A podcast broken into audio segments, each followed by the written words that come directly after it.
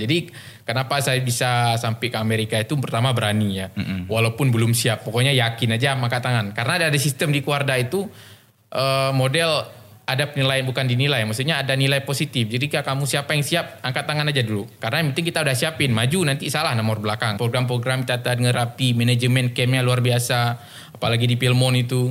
Itu seperti, salah kata karena terbesar di Amerika ya, mungkin banyak sekali hal-hal positif yang bisa kita ambil. Apa yang bisa diterapkan mungkin disiplin pertama. Kalau program gampang kita tinggal pindahkan, tapi hmm. kemampuan menjalankan program itu mampu atau tidak. Hmm.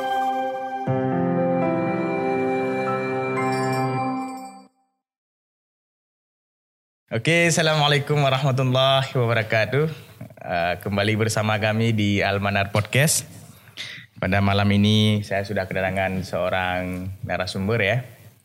Uh, beliau ini salah satu apa namanya penggerak dunia pramukaan di dalam dunia pesantren ya. Uh, sudah pengalamannya sudah luar biasa ya beliau juga salah satu lulusan dari Amerika Serikat ya. Uh, Insya Allah malam ini kita akan berbincang mengenai dunia kepramukaan khususnya mengenai sebuah kegiatan yang akan digelar uh, dalam beberapa waktu ke depan Insya Allah yaitu LP3 Putra. Saya nggak tahu entah LP3 berapa ya. Pokoknya habis ini datanya ya ke narasumbernya. Uh, di studio sudah hadir Ustadz Oh bukan Ustaz. Dia kalau bahas pramuka bukan Ustaz panggilannya. Kak ya. Kak Fahrudin Lam, kau, kau, kau, Kak Fahrudin ya, Fahrudin Lamno ya. Kalau ya, saya sering ya. sebut Kak Fahrudin. Selamat datang Kak Fahrudin. Ya, selamat datang. Terima kasih sudah sudah mengundang kita ya. ya. Kami tuh dapat berdiskusi sedikit tentang hmm. pramuka ya. Mm -mm. Jadi ini studio kita nih Kak Farudin ya. Studio Betul, luar biasa ya. masih... ya. Almanar sudah sampai tahap podcast ya luar yeah, biasa. Yeah. Mudah-mudahan bisa berkembang terus, bisa lebih menyinari umat ya melalui hmm. podcast ini ya. Kita mulai dikit-dikit nih Farudin. boleh, ya. boleh, boleh. Jadi para pendengar, Kak Fakhrudin ini beliau saat ini aktif ya di pesantren modern Tengku Cik Mardian sebagai pengurus juga aktif apa namanya dalam bidang pramukaan khususnya membina adik-adik adik-adik di uh, pramuka di Emerdian. Jadi malam ini ya kita akan bahas lagi mengenai LP3 ya. Tapi sebelum itu kita harus kenal dulu dengan sosok Kak Farudin ya. Tak kenal hmm. makanya tak sayang nih. Jadi malam ini kita ngobrol nih Ustaz Budin, ngobrol santai aja kita nih ya. Ya biar nggak gugup. Ya. ini sudah lama juga nggak podcast nih ya. Kebetulan nih kita juga belum masuk sponsor nih. sponsor ini aja lah. Iya ini. Ya. Ini kapal manar ya. Iya. uh, jadi kita mulai dari awal Kak Farudin mengenal Pramuka dulu ya. Boleh, boleh, ya, boleh. Ceritakan sedikit dari mana Kak Farudin memulai semuanya ya sehingga menjadi seperti ini hari ini. Ya, ya, ya betul betul boleh. Mm-hmm. Jadi mungkin pramuka kalau saya kenal waktu di pesantren ya. Jadi mm. waktu kelas 1 di Gontor 10 dulu. Gontor 10. Itu kan pramuka wajib ya. Mm-hmm. Ketika mengikuti pramukaan biasanya lebih condong kita, lebih condong ke pramuka dibanding uh, eskul-eskul yang lain. Nah, jadi waktu kelas 1 itu sudah ada sudah jadi pasus waktu itu dari sekian kelas 1 saya jadi pasus uh, bersama kawan saya dua orang. Uh, dan itu langsung ikut LP3. Jadi LP3 ini sudah saya ikuti dari kelas 1 sampai kelas 5, kemudian kelas 6 gak ada di sini. Mm-hmm. Kemudian 2017 ya kembali lagi ya 2017 sampai sekarang itu LP3 di Aceh.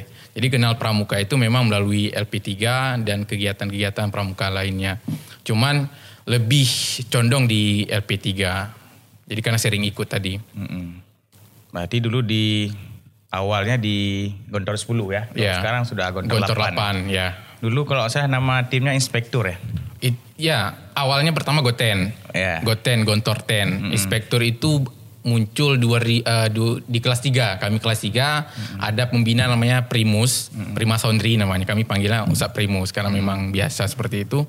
Hmm. Jadi mulai di upgrade uh, pasus itu di kami, pas kami kelas 3. Jadi betul-betul dilatih, betul-betul di apa namanya dididik menjadi uh, apa namanya uh, pramuka yang hebat. Saya rasa pendidikan paling berasa itu dua itu kelas 3 walaupun sebelumnya juga iya. Mm-hmm. Mulai dari kelas 1 pun kami uh, sedikit saya ceritakan mulai misalnya masuk pasus yang pakai keluarin darah itu di kelas 1 dulu. Uh, uh, iya, iya. Tapi ini mungkin kita nggak boleh lakukan ini dulu ya. Mm-hmm. Nah, kelas 2 itu juga pembinanya kurang turun karena LP3 waktu itu di Gontor 10 ya kalau nggak salah karena yeah. mau ada uh, peresmian Gontor 10. Mm -hmm. Jadi expertnya itu di kelas 3, itu LP3 di Biren. Hmm, ya, ya. Ada ikut nggak? Ya, ada, ada. Ada ya. Nah, itu di Biren, itu baru dicanangkan nama inspektur. Ah, memang namanya diminta dari kita bermacam-macam nama, tapi pembina udah siap dengan nama itu. Hmm. Itu, itu kepanjangannya Intelligence Special Black Force Inspektur, dan itu masih ada sampai sekarang. Jadi dulu salah satu pembina siapa? Pembina Pramuka di Kontrol 10 dulu? Primus, Prima Sondri, Primus. ada Ustaz Rahmat, ada Ustaz Amsal satu lagi, lupa saya. Kak Amsal ya? Ya, Kak Amsal. Waktu itu ah. juga masih pembina saya, waktu itu waktu kelas 3. Beliau kan ngabdi ya. Iya, saya masih ingat tuh ya. Jadi kehadirannya inspektur itu ya dalam penilaian sendiri ya, istilahnya uh, hadir sebagai orang baru tapi menggemparkan bumi perkemahan ya. Boleh, boleh, boleh. Ya. Jadi mantap sekali dulu ya. Ya, betul. Jadi LP3 ini sudah lama ya. Uh, saya ingat saya ada berapa ya? Saya kelas 4 waktu itu kalau salah. Yang di kontrol 10. Saya ikut berapa itu di waktu saya kelas 4. Oh, itu berarti saya kelas 2 waktu itu. Yeah. LP3 udah lama mungkin dari yeah, 2002, 2003 itu udah yeah, ada. Cuman heboh-hebohnya 2006 ya. Iya. Yeah. 2006 ke atas. Kemudian di Birun tahun kelas 5 ya. Jadi berarti begitulah perjalanan Kak Farudin tadi sehingga terbentuk menjadi seorang pramukawan ya. Apa sebutannya pramukawan? ya pramuka, anak pramuka lah ya. Seorang pramuka sejati ah, ya. Bisa, ya, bisa, bisa. Uh, kemudian Kak Farudin uh, melanjutkan dari Gontor 10 ke Gontor Pusat ya? Betul. Di sana aktif pramuka juga? Betul. Jadi waktu itu setelah memang di Gontor 10 aktif pramuka, hmm. kembali ke Gontor 1 ke karena wajib di sana yeah. setahun ya. Mm -hmm. Itu jadi bagian pramuka juga dan bersyukurnya itu jadi bagian angkulat ya, bagian latihan. Jadi karena di bagian di Gontor itu ada koordinator itu pas masa saya 80 orang jadi 25 orang itu jadi an angkulat. Angkulat itu bisa dibilang pilihan pramuka dari gontor itu sendiri. Hmm. Dari gontor-gontor cabang diambil satu dua orang. Jadi memang yang manajemen kepramukaan di gontor itu angkulat waktu itu. Ada bagian lain misalnya angku perpus yang memang ngurus perpustakaan. Hmm. Ada angku kedap ngurus memang perlengkapan. Jadi kalau mau kemah itu ya mereka yang sediain perkemahannya. Tapi yang manajemen hari Kamis, karena kami hari Kamis ya latihan wajibnya itu, hmm. itu angkulat. Nah kalau tim-tim lain ini kalau nggak aktif ataupun nggak ada kegiatan dikerjakan, biasanya mau bantu saja. Mm-hmm. Nah itu yang uh, menjadi titik belakang juga belajar organisasi di kepramukaan. Memang ada mm-hmm. uh, kurang lebih tapi dari situ belajarnya. Kemudian pas ngabdi juga saya di Mabikori. Mm-hmm. Kemudian saya ngabdi lagi Gontor 10 kembali lagi ke Mabikori. Jadi terlibat, uh, jadi hari-hari saya ini terlibat dari pramuka nggak pernah lepas. Jadi nggak ada istilah kata copot baju pramuka kan banyak ya orang suka pramuka di santri. Yeah, yeah. Setelah lulus lupa sama pramuka. Mm. Saya alhamdulillah masih terlibat di mm. di, ke, di kepramukaan sampai sekarang ini. Mm. Uh, dan bersyukur uh, dengan itu. Yeah. Berarti kalau saya dengar dari penjelasannya tadi ini sudah mengakar sekali ya uh, apa namanya ilmu pramukanya. Kalau saya bagian dari yang disebutkan tadi dulu suka pramuka sekarang sudah enggak. Udah copot baju ya. Udah copot baju. Tapi kalau misalnya ada agenda event saya okay, hadir. Ya, hadir. Masih terlibat ya, sebenarnya, masih ikut cuma masih tidak menikmati expert, ya, masih menikmati lah. Kadang ada orang nggak mau menikmati lagi, itu ah. ada banyak juga. Apalagi kalau LP3 Putri kan, saya oh, hadir terus tuh. Oh iya boleh boleh boleh. Ini perlu, perlu keamanan ya. Iya. Perlu mengamankan ya. Uh, kemudian Kak Farudin di tahun uh, tahun berapa ke Amerika? 2019.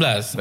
Betul. Itu kenapa kok bisa ke Amerika itu? Tolong ceritakan sedikit. Sedikit karena mungkin yang namanya dulu sebelum ke Amerika itu ada seleksi ke Jepang waktu itu. Hmm. Itu waktu itu saya jadi ustadznya karena ternyata lewat umur beberapa bulan nggak bisa ikut. Hmm. Tapi juga bersyukur karena nggak lulus itu ya nggak ikut kan. Tapi kawan-kawan yang lulus ini nggak jadi berangkat juga.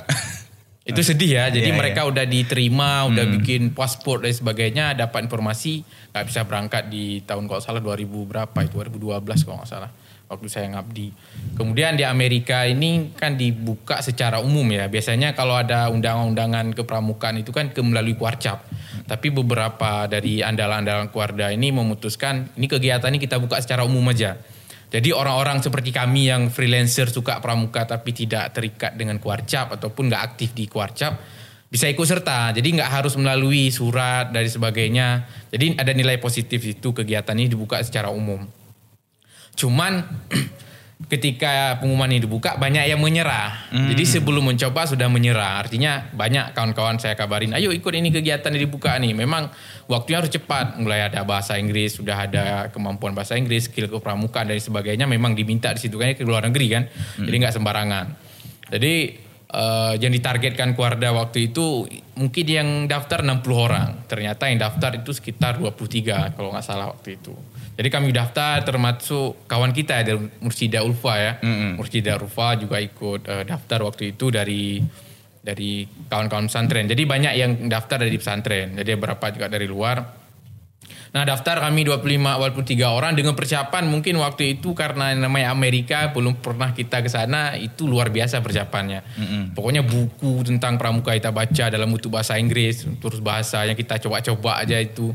Kemudian cari eh, apa namanya materi-materi tentang eh, pramuka Amerika karena didatangkan eh, dari Amerika Mr. Brook. Jadi takutnya ditanya tentang pramuka Amerika kita nggak tahu sama sekali. Namanya juga kita persiapan ya Tim seleksinya. tim seleksinya. Jadi ada wawancara sesi eh, bi- wawancara dengan Mr. Brook. Jadi memang eh, diskusi tentang pramuka. Walaupun di kemudian hari nggak ditanya tentang pramuka Amerika, tapi tanya tentang diri kita.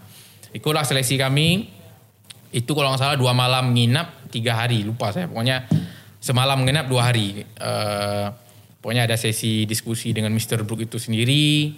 Eh, banyak hal lah ditanya tentang adat dan sebagainya persiapan juga tentang misalnya adat budaya kita harus bisa tampilkan di situ waktu itu saya pede juga pokoknya siapa yang mau duluan saya angkat tangan jadi kenapa saya bisa sampai ke Amerika itu pertama berani ya walaupun belum siap pokoknya yakin aja angkat tangan karena ada sistem di Kuarda itu eh, model ada penilaian bukan dinilai maksudnya ada nilai positif. Jadi kalau kamu siapa yang siap angkat tangan aja dulu. Karena yang penting kita udah siapin maju nanti salah nomor belakang. Jadi waktu itu saya eh, ketika daftar ada uji apa uji apa uji skill pramuka saya angkat tangan aja dulu. Itu seperti itu. Kemudian sampai pada level diumumkan. Diumumkan sebenarnya yang lulus itu tiga orang. Tiga orang saja. Saya eh, pertama tuh Ramazalul. Kemudian Mursida Ulfa nomor tiga saya waktu itu. Itu yang yang benar yang siap berangkat ke Amerika tiga orang. Eh, ini saya buka aja ya Iya, karena ini biar ke- nanti ya tahu lah. Jadi karena beberapa hal eh, terpilihlah sampai 13 orang kalau nggak salah. Ya 13 orang. Dan mereka sebenarnya orang pramuka juga mereka berskill juga tapi karena yang namanya seleksi mendadak ya Iya. eh, jadi eh, harus di training lagi harus training lagi kami bertiga nggak perlu training sebenarnya bahasa Inggris nggak perlu training sebenarnya saya nggak bisa bahasa Inggris nggak bisa bahasa Inggris ya bisa seperti itu aja karena basicnya dari santri ya tapi karena menghargai kawan-kawan dan tahu diri juga bahasa Inggrisnya rusak, jadi yang 13 ini harus training semua. Jadi dalam seminggu itu mungkin kita ke Kuarda sampai tiga kali. Itu bolak-balik itu. Kalau saya kan dari Indrapuri itu lumayan 30 menit. Jadi karena perjuangan ke Amerika dan keinginan gitu ya paksain aja. Ongkos habis dalam transport nggak ada masalah. Malam di Kuarda nanti ada kegiatan malam. Pokoknya sibuk dengan eh, seleksi eh, persiapan-persiapan di sana. Kemudian dari 13 orang ini setelah training kami juga ambil ngambil English course ya apa namanya eh, TOEFL kayak gitu prediction tapi waktu itu karena nggak ngambil TOEFL yang sebenarnya karena TOEFL prediction bisa dipakai. Jadi TOEFL prediction ini yang paling sedikit nilai itu saya waktu itu. Karena kan dari 13 itu enam orang itu basicnya kuliah bahasa Inggris. Ada yang sudah lulus, ada yang lagi progres. Itu kan beda bahasa Inggrisnya dengan dengan saya. Cuman karena saya juga tinggalin bahasa Inggris itu se- selama santri 2012. Karena 2000 kelas 4 dulu pernah jadi bagian bahasa, itu nilai plusnya. Cuman sekian lama 2012 ke 2019 kan lama kita nggak belajar bahasa Inggris, cuma ngandelin nonton film kayak gitu kan. Jadi nggak maksimal. Cuman bisa kita tingkatkan. Cuma karena dalam waktu singkat dapatlah nilai terakhir itu 410.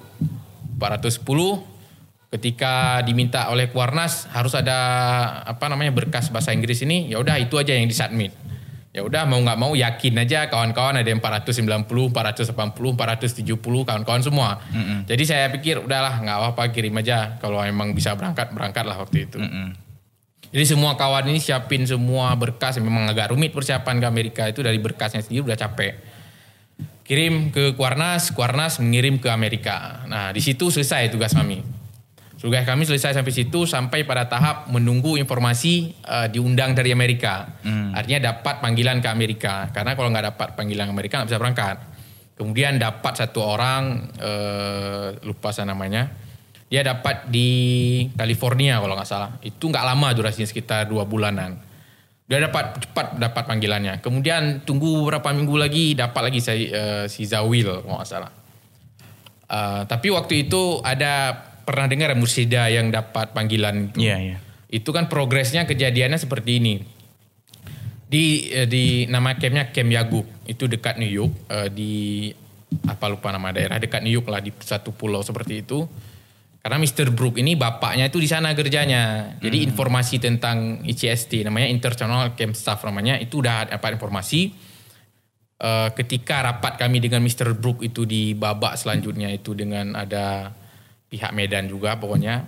Oh ini kita udah ada panggilan kalau nggak salah itu uh, si Mursida. Mm-hmm. Tapi secara resminya belum. Mm-hmm. Jadi secara lisan sudah melalui Mr. Brook tadi.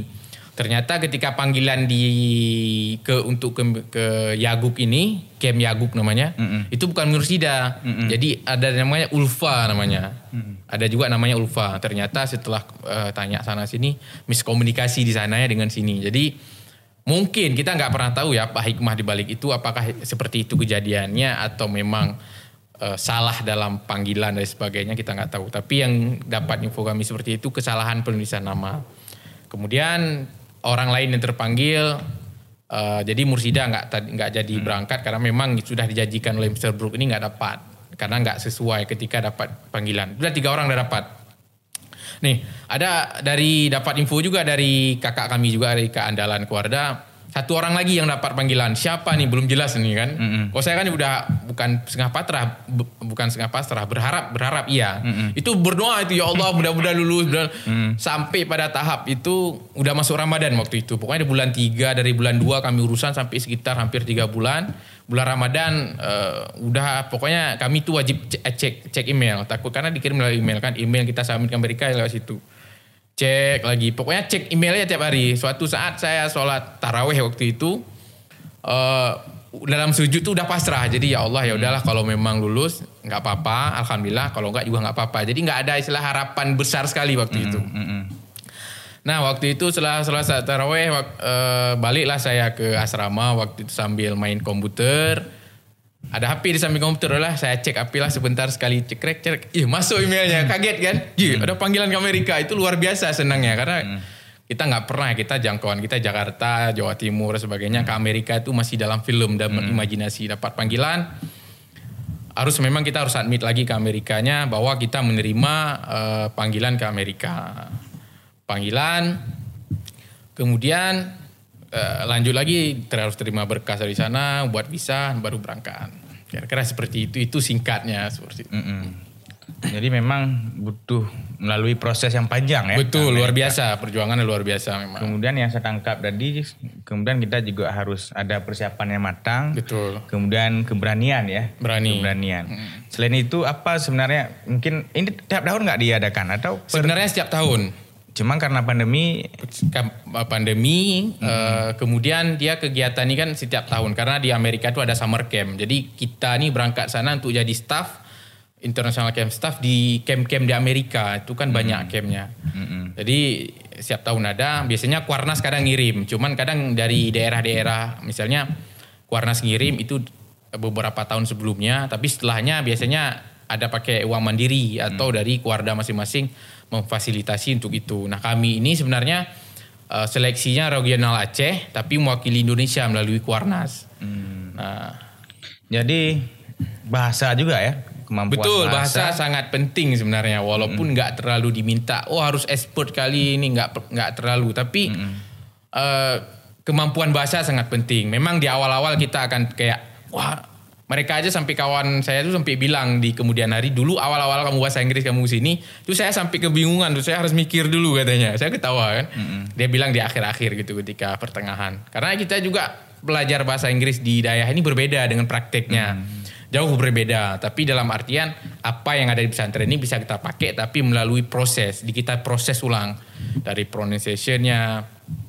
Kemarin saya sempat lihat video alma, uh, almarhum. Mm-hmm. kan beliau dari Inggris ya. Yeah, yeah. itu juga kaget. Belum tahu bahwa beliau itu pernah kuliah di bahasa di Inggris dan sebagainya. Ih kok pronunciationnya dapat kali kok nih mm-hmm. jadi kaget ternyata dapat ini oh ternyata beliau kuliah di sana. Memang kita harus ke sana dulu baru baik bahasa kita. Yeah, tapi yeah. bukan berarti bahasa kita di sini nggak bagus.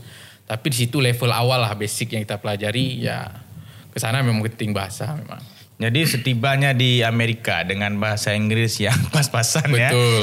Uh, itu bagaimana cara, maksudnya namanya kita pasti ada shock culture ya. Ada, Betul, itu shock culture itu, ya.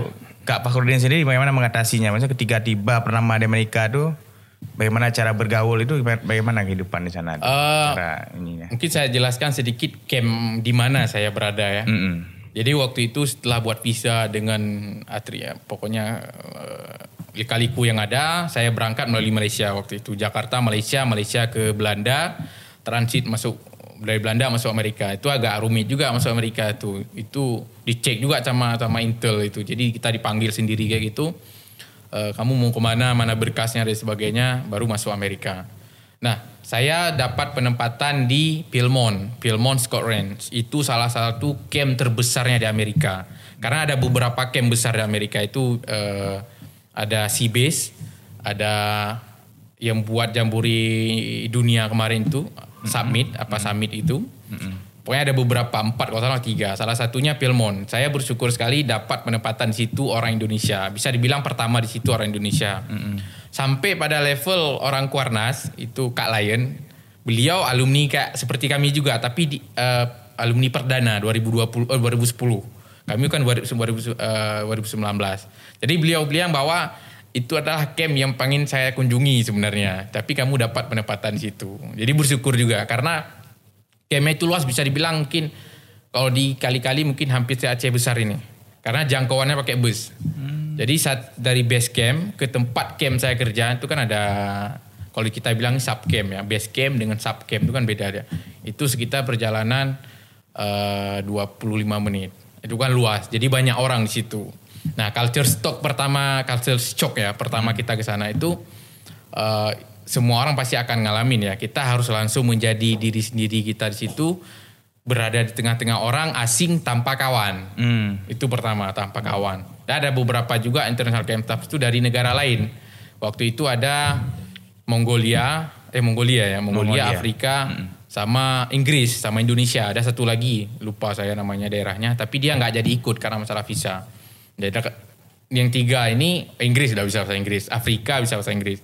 Ini yang lebih hancur itu bahasa waktu itu sampai ada staff juga ngomong sih ada dari Mongolia ini bahasa Inggrisnya dia nggak paham ngomong kita nggak paham. Pokoknya kayak gitu. Hmm.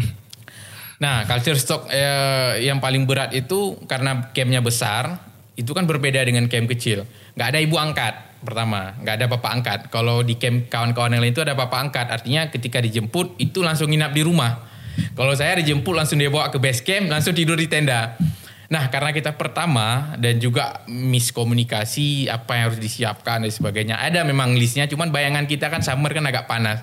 Ternyata itu masih dingin sekali di sana. Jadi malam pertama saya datang aku udah mulai gigil. Ya Allah kok dingin sekali? Jadi persiapan ke sana. Habis kayak bawa apa namanya mat uh, apa namanya apa kepompong kita ngomong kepompong itu kan tipis ala Indonesia seperti ini. Kawan-kawan yang lain tuh yang tebal-tebal dia. Yeah, yeah. tebal pokoknya gede kalau digulung ini cuma kecil kayak gitu. Itu beku lah di situ malam pertama. Yang culture shock lagi itu uh, di dapur umum si base-nya. Oh si bukan si base di dapur umum base camp-nya. Kami kan ada kerja nanti di cabangnya. Itu ada kawan 8 orang. Jadi di yang culture shock itu yang paling sulit di dapur tadi itu kenapa Misalnya hari ini kita makan siang duduk meja itu bulat-bulat banyak. Misalnya kita makannya di situ, kenalan dengan orang baru kan, oke okay lah. Di kenalan saya kerja di uh, Zastro, Zastro itu cabang campnya. Nah makan malamnya itu ketemu orang lain lagi. Makan siang beda, makan pagi beda. Jadi agak rumit. Jadi kayak kita bahasa Inggris masih belepotan. Harus berinteraksi dengan mereka, nggak ada kenalan. Kadang kawan kita yang kita kenal di camp tempat kita kerja 8 orang itu cuma satu orang piket libur. Jadi di situ awal-awal tuh ini kayak mana? Mungkin semua orang mungkin akan ngalamin itu sih sebenarnya. Apalagi di kami dibuat bahwa kamu ke sini uh, jadi international camp staff nggak ada fasilitas yang seperti kayak oh apa namanya diagung-agungkan atau dikasih kemudahan. Nggak ada. Yang kamu penting kamu di, dikasih tempat kerja seperti ini kamu kerja seperti orang yang Amerika lain kerja. Ya udah kita harus siap seperti itu. Mm-mm. Berarti eh, kalau misalnya jadi apa staff Staff. staffnya. Kalau kita Staff. di sini apa ya panitianya. panitia betul Berarti panitia ada peserta camp sedangkan kita sebagai panitianya. betul betul karena ini kan camp terbesar dia eh, eh. Eh, berbeda dengan camp-camp yang lain Mm-mm. sistem camp di Filmon ini cuma ada di Filmon campnya dia kemah selama 10 hari Mm-mm. Misalnya mulai dari sini nanti berakhir di sana nanti. Nah selama perjalanan kita itu nanti kalau kita kan hiking sehari Iya, ada pos-posnya. Nah, di situ ada juga camp-camp kecil, camp yang permanen. Ada orang tidur situ, ada tenda di situ, ada ada serambinya. Jadi ada game-game dengan permainan setiap camp berbeda-beda. Nah kami di situ staff eh, stay di situ selama 9 hari kerja. 9 hari kerja itu luar biasa culture shocknya. Pertama nggak ada sinyal di situ. Ada memang dia sulit. Malah itu mendingan di camp saya kerja itu masih ada lampu dia karena dia uh, museum, Wushbit Museum. Jadi dalamnya itu Wushbit Museum tentang banyak lah atribut-atribut pramuka tentang Wushbitnya itu sendiri lah. Jadi masih dialirkan listrik, listrik ke situ. Ada camp-camp jauh ke sana itu jangankan listrik sinyal nggak ada masak masih pakai kayu dia. Masih masih kompor, kompor tapi bakar masih pakai kayu. Kalau kami udah pakai kompor gas. Nah, jadi masih mendingan lah akses ke masih bisa ngecas HP walaupun kami HP nggak boleh buka waktu itu. nggak boleh buka artinya selama ada sis, eh, peserta didik no phone. Sempat saya tanya ke kawan saya di camp yang lain. Eh, kenalan lah gitu nanya. Artinya kan dia nggak ada sinyal waktu itu. Nggak ada sinyal nggak ada listrik di tempat itu. Eh, kayak mana kalian ini mas akses masalah HP kan kita perlu kadang-kadang bukan setiap saat. Malah dia bilang bahwa HP itu mengganggu. Annoying kita bilang. Oh iya juga. Berarti memang orang ini nggak ada pegang HP itu yang saya respect. Malah saya eh, nggak pernah ditegur artinya tapi kita harus belajar juga ya. Tapi baru kami pegang-pegang HP itu semua kawan-kawan yang lain itu di bulan ketiga udah hampir mau pulang udah mulai jenuh di situ.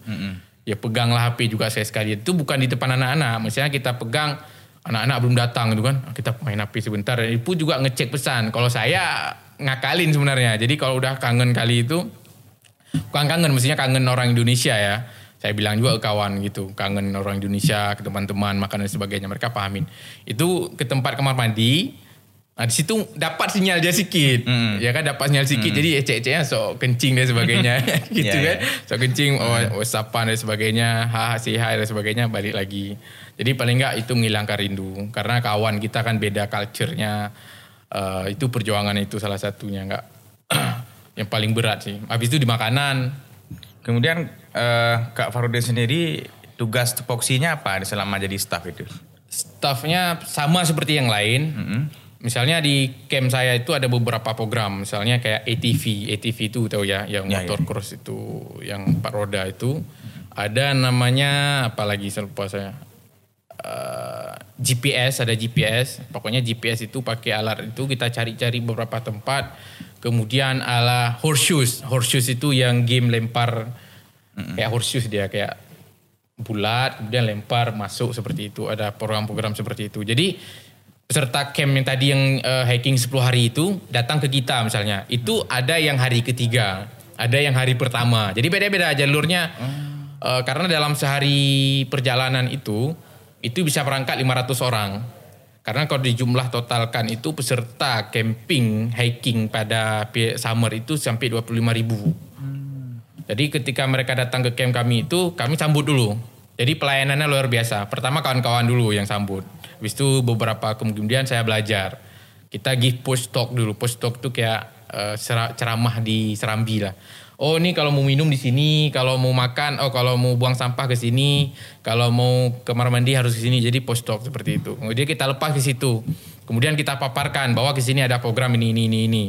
Nah, ada program yang sunnah dikerjakan, ada program wajib dikerjakan. Uh, program ATV ini nggak boleh dikerjakan oleh semua orang, tapi wajib dikerjakan untuk nomor tertentu. Ada ada uh, itinerary number lah lupa saya namanya. Jadi nomornya kalau nggak salah 17 kalau nggak 27. Nah itu memang program um, utama dia. Untuk jalur ini utama programnya adalah ATV. Baru nanti kawan-kawan yang dari Amerika yang lain bawa ke mereka dari hari pagi sampai sore untuk ATV ini mulai dari training dan sebagainya baru mereka jalanin trek. Pesertanya umur berapa tuh kak? Itu penggalang dan penegak, tapi rata-rata biasanya agak lebih banyak penegak karena penegak sana pun udah gede ya perjalanannya kan 10 hari hiking ya. Mm -hmm. Biasanya dari 13, 13 pun udah besar badannya, 13 sampai 20. Mm -hmm. 20 tahun. Staffnya dari 25, eh 20 sampai 30. Berarti uh, total kerja kemarin berapa sebulan? Tiga bulan. Tiga bulan? Ya, jadi berangkat itu saya harus ke Amerika itu pokoknya tiga hari sebelum Ramadan. Mm -hmm. eh, se eh, sebelum hari raya. Mm -hmm. Jadi sana di Amerika masih sempat puasa. Itu juga sengsara itu kan durasinya beda. Yeah, yeah makanan bukanya beda, nggak ada sahur di sini pecah-pecah nih. Luar biasa pecah-pecah. Jadi itu culture shock juga sebenarnya. Durasi panjang, habis itu dia dry, dia kering dia daerah sana tuh. Hmm. Uh, lebaran di sana, lebaran di sika kawan-kawan lebaran di sini, saya lebaran di sana nggak ada sholat-sholat ya mungkin mana sholat sendiri ya sholat biasa, sholat subuh dan sebagainya. Kemudian camp ini kan camp besar, jadi durasinya paling panjang. Kalau kawan-kawan yang lain itu dua bulanan, rata-rata dua bulan semua. Ada ya kawan lagi saya di Nebraska, eh, kawan Bang Zawil namanya. Itu di Nebraska, malah dia lucu dia. Ada Independence Day itu hari kemerdekaan Amerika hmm. di tanggal 2, 14 kalau salah 24 lupa. Itu libur seminggu. Jadi camp itu libur seminggu. Jadi enak juga dia selama libur itu dia stay di rumah bapak angkat dia Nah, situ diajak ke kota, main-main, makan, masak dan sebagainya. Kalau saya kan nggak ada. Hmm. Kalau ada, saya ada libur tiga hari itu pun saya gunakan untuk uh, hiking. Jadi karena camp besar, serta 25 ribu itu durasinya paling panjang. Jadi tiga bulan ya? Bisa dibilang tiga bulan. Dari Juni sampai Agustus. Agustus akhir. Berarti kalau tiga bulan itu sudah lumayan di bahasa Inggris kita ya. Sudah lumayan inilah. Kalau Ya betul. Mestinya memang saya merasakan ada perubahan-perubahan yeah. gitu mm. pronunciationnya. Apalagi mm. kalau sekarang ada ngomong orang Inggris ngomong pun udah mudah dimengerti yeah. ya. Oh gini loh maksudnya nonton apalagi nonton nonton film animasi itu sangat mudah yeah. dimengerti. Bersyukur kan, Karena kita kan sudah berbaru langsung. Ya? Langsung langsung praktek. Ah, langsung praktek. Ya. Kadang ada momen-momen event mm. bang ya. Mm. Uh, itu perginya sama-sama orang Indonesia misalnya ke mana misalnya exchange mm. apa itu kan masih diskusi bahasa Indonesia mm. gitu Kok ini memang dari awal tok pulang bahasa Inggris, tek nggak ada bahasa Indonesia, selesai. Hmm, hmm. Nah tapi lucunya juga ada ketemu kawan dia Amerika gitu, dia belajar bahasa Arab. Kali lucu ya, yeah. belajar bahasa Arab, belajar Al-Quran juga di sekolah mereka. Jadi uh, belajar ngomong bahasa Arab juga, cuman bahasa Arab dia agak lebih ke bahasa Arab ini sih, bukan bahasa Arab lebih bahasa Arab amiyah kalau dia pelajari. Yeah. Kalau kita kan bahasa Arab hadis Al-Quran seperti itu ya. Yeah. Jadi agak bisa beberapa kamat uh, kami diskusikan tapi nggak terlalu connect jadinya. Karena dia ami ya jadi kembali ke bahasa Inggris saja. Mm -hmm. dia belajar Al-Quran juga. Jadi belajar misalnya mereka itu di sekolah itu belajarnya nggak kayak kita. Kita semua materi kita pelajari. Kalau mereka milih misalnya ada di sekolah itu ada bahasa apa? Misalnya mereka pilih Perancis. Ya udah belajar Perancis. Pilih bahasa Arab belajar bahasa Arab. Ini sambil belajar Al-Quran walaupun dia bukan Islam jadi cuma untuk mempelajari aja. Ternyata Mempelajari. Islam itu ada Sunni, ada Syiah. Nah, kalau kita kan belajar terhadap Kristen tuh, oh ternyata ada Kristen Ortodok, ada Kristen apa gitu ya? Jadi cuman lebih ke situ. Jadi bukan mempelajari agama supaya paham agama, tapi yeah, pengen tahu aja. Sekedar tahu aja. Uh, jadi banyak di situ datang. Mm -mm. uh, kalau dalam pandangan Kak Fahrudin sendiri, nilai-nilai apa yang ada di Amerika, khususnya dalam nilai kepramukaan ya, yang seharusnya diterapkan di Indonesia? Apa misalnya nilai apa yang baik dari sosial, kemudian kegiatannya misalnya di betul, yang yang semestinya bisa diaplikasikan di sini. Nah, gitu. Uh, yang pertama kali adalah uh, disiplin ya pertama ya. Jadi di sana kalau kita telat tuh malu. Misalnya kita janjian jam 4, jam 4.15 tuh udah hadir semua. Oh jam 4.15, jam 4 kurang 5, jam 4 kurang 10 udah hadir semua. Jadi kalau kita telat tuh malah kayak aneh gitu, kok telat gitu. Jadi jam itu kita harus ada jam semua. Jadi semua staff tuh ada jam. Kemudian kita janjian jam berapa itu harus harus harus stay di situ. uh, disiplin pertama. Kemudian tanggung jawab. Tanggung jawab kita kan kadang setengah-setengah. Ada orang kita kerja hanya ingin dilihat. Mereka nggak seperti itu. Mereka kerja sangat luar biasa. Malah saya harus menyesuaikan dengan mereka saking ekstra kerjanya. Jadi mereka kerja apa pun tuh maksimal, pelayanan apa pun tuh maksimal. Kayak gini aja contohnya, misalnya kayak main bola, kita sama-sama bola bulat dengan kita dengan Inggris sama bulat, tapi kemampuan main itu beda. Nah, begitu juga dengan kemah. Kemah mereka itu sebenarnya gamenya ada di kita, ATV ada, menembak mungkin ada di tentara. Misalnya game-game kecil, ada basket, misalnya. sederhana sebenarnya, tapi manajemen uh, camp itu tadi yang luar biasa. Habis itu pesertanya juga luar, luar biasa. Semua peraturan yang ada itu mereka jalanin. Sampai mandi itu pun diatur karena kamar mandi itu kan terbatas di gunung itu. Air terbatas. Misalnya dikasih waktu jam 12 sampai eh, jam 2 sampai jam 3. Itu untuk kru yang ini. Itu mereka nggak akan lebih cepat, nggak akan lebih telat. Dan mereka melapor. Kita bilang lapor setelah mandi, mereka lapor. Mm-mm. Oh kita kan nggak, kita kejar-kejar pakai yeah. tongkat dulu. Eh bisurah kiaman cepat bangun nih subuh. Jadi nggak ada disiplin di situ. Yeah. Habis itu masalah sampah juga. Masalah sampah yang kita pelajari kan memang kita tahu bahwa sampah plastik harus kesinikan, mm-hmm. kertas dan sebagainya. Artinya prakteknya itu ada di sana. Iya, yeah, iya. Yeah. Itu prakteknya ada di sana. Mm-hmm. Habis itu staff itu bersikap sangat baik. Kok kita kan maaf cakap ya dulu dulu nggak tahu sekarang. Itu ala kadarnya aja terus lah ketika mm-hmm. memang tugasnya cematok udahlah nggak ada istilah pakai baju pramuka lagi mm-hmm. nggak ada ID card nggak ada baju di sana apa pun kegiatan tugas mau dia cuma cematok misalnya kan bagian driver semua staffnya sama semua bajunya. Mm-hmm. betul hijau warnanya hijau mm-hmm. warnanya. Sama semua. Jadi setiap staff itu terlihat baik. Habis itu pelayanan terhadap anak-anaknya baik. Program-program tata dengan rapi manajemen campnya luar biasa. Apalagi di Pilmon itu. Itu seperti istilah kata karena terbesar di Amerika ya. Mungkin banyak sekali hal-hal positif yang bisa kita ambil. Apa yang bisa diterapkan mungkin disiplin pertama. Kalau program gampang kita tinggal pindahkan, tapi hmm. kemampuan menjalankan program itu mampu atau tidak. Hmm. Nah, juga begitu mungkin mudah-mudahan kita bisa terapkan di LP3 ya. ini. Di kesiapan kita panitia ataupun pesertanya. Ah, ya. betul. Jadi memang karakternya berbeda memang betul, ya. Betul, betul. Kalau kita bilang ada istilah sebenarnya nilai-nilai dari disiplin itu nilai hal yang kita pelajari dalam Islam yeah. ya kan cuman kan di baratnya yang prakteknya ah, lebih di sana ada istilah bahwa uh. an, apa melihat Islam itu malah di barat gitu yeah, kan yeah. seperti itu uh -uh. kalau kita pelajari sempat diskusi maaf cakap awal-awal Bali sini kan diskusi dengan kuarcap dan sebagainya mm. sharing kan jadi ketika saya paparkan tengah Amerika bahwa dasar dharma itu ada di sana cinta alam dan kasih sayang manusia cinta alam mereka mm. itu pada level jangan bukan kita nggak bahas buang sampah mereka yang nggak ada yeah. sama sekali itu ada kayu kalau mereka mau jemur mm-hmm. itu mereka harus taruh kayu-kayu kecil dulu supaya kayu yang lain itu tidak tergores sampai level itu tidak ada pembakaran di mana pun kecuali memang dibakar di tempat memang sudah disediakan mm-hmm. air sungai itu nggak kita nggak dipakai untuk apa pun air sungai kecil creek namanya kalau kita alu lah ada pegang mm-hmm. itu nggak digunakan pertama karena kotoran pertama ada binatang. Kita kan memang anak pramuka kita culup-culup aja situ kan dulu. Kalau sekarang mungkin coba kita hilangkan dan hmm. sebagainya. Mungkin pada level itu uh, manajemen camp yang ditata. Jadi nggak hmm. sembarangan.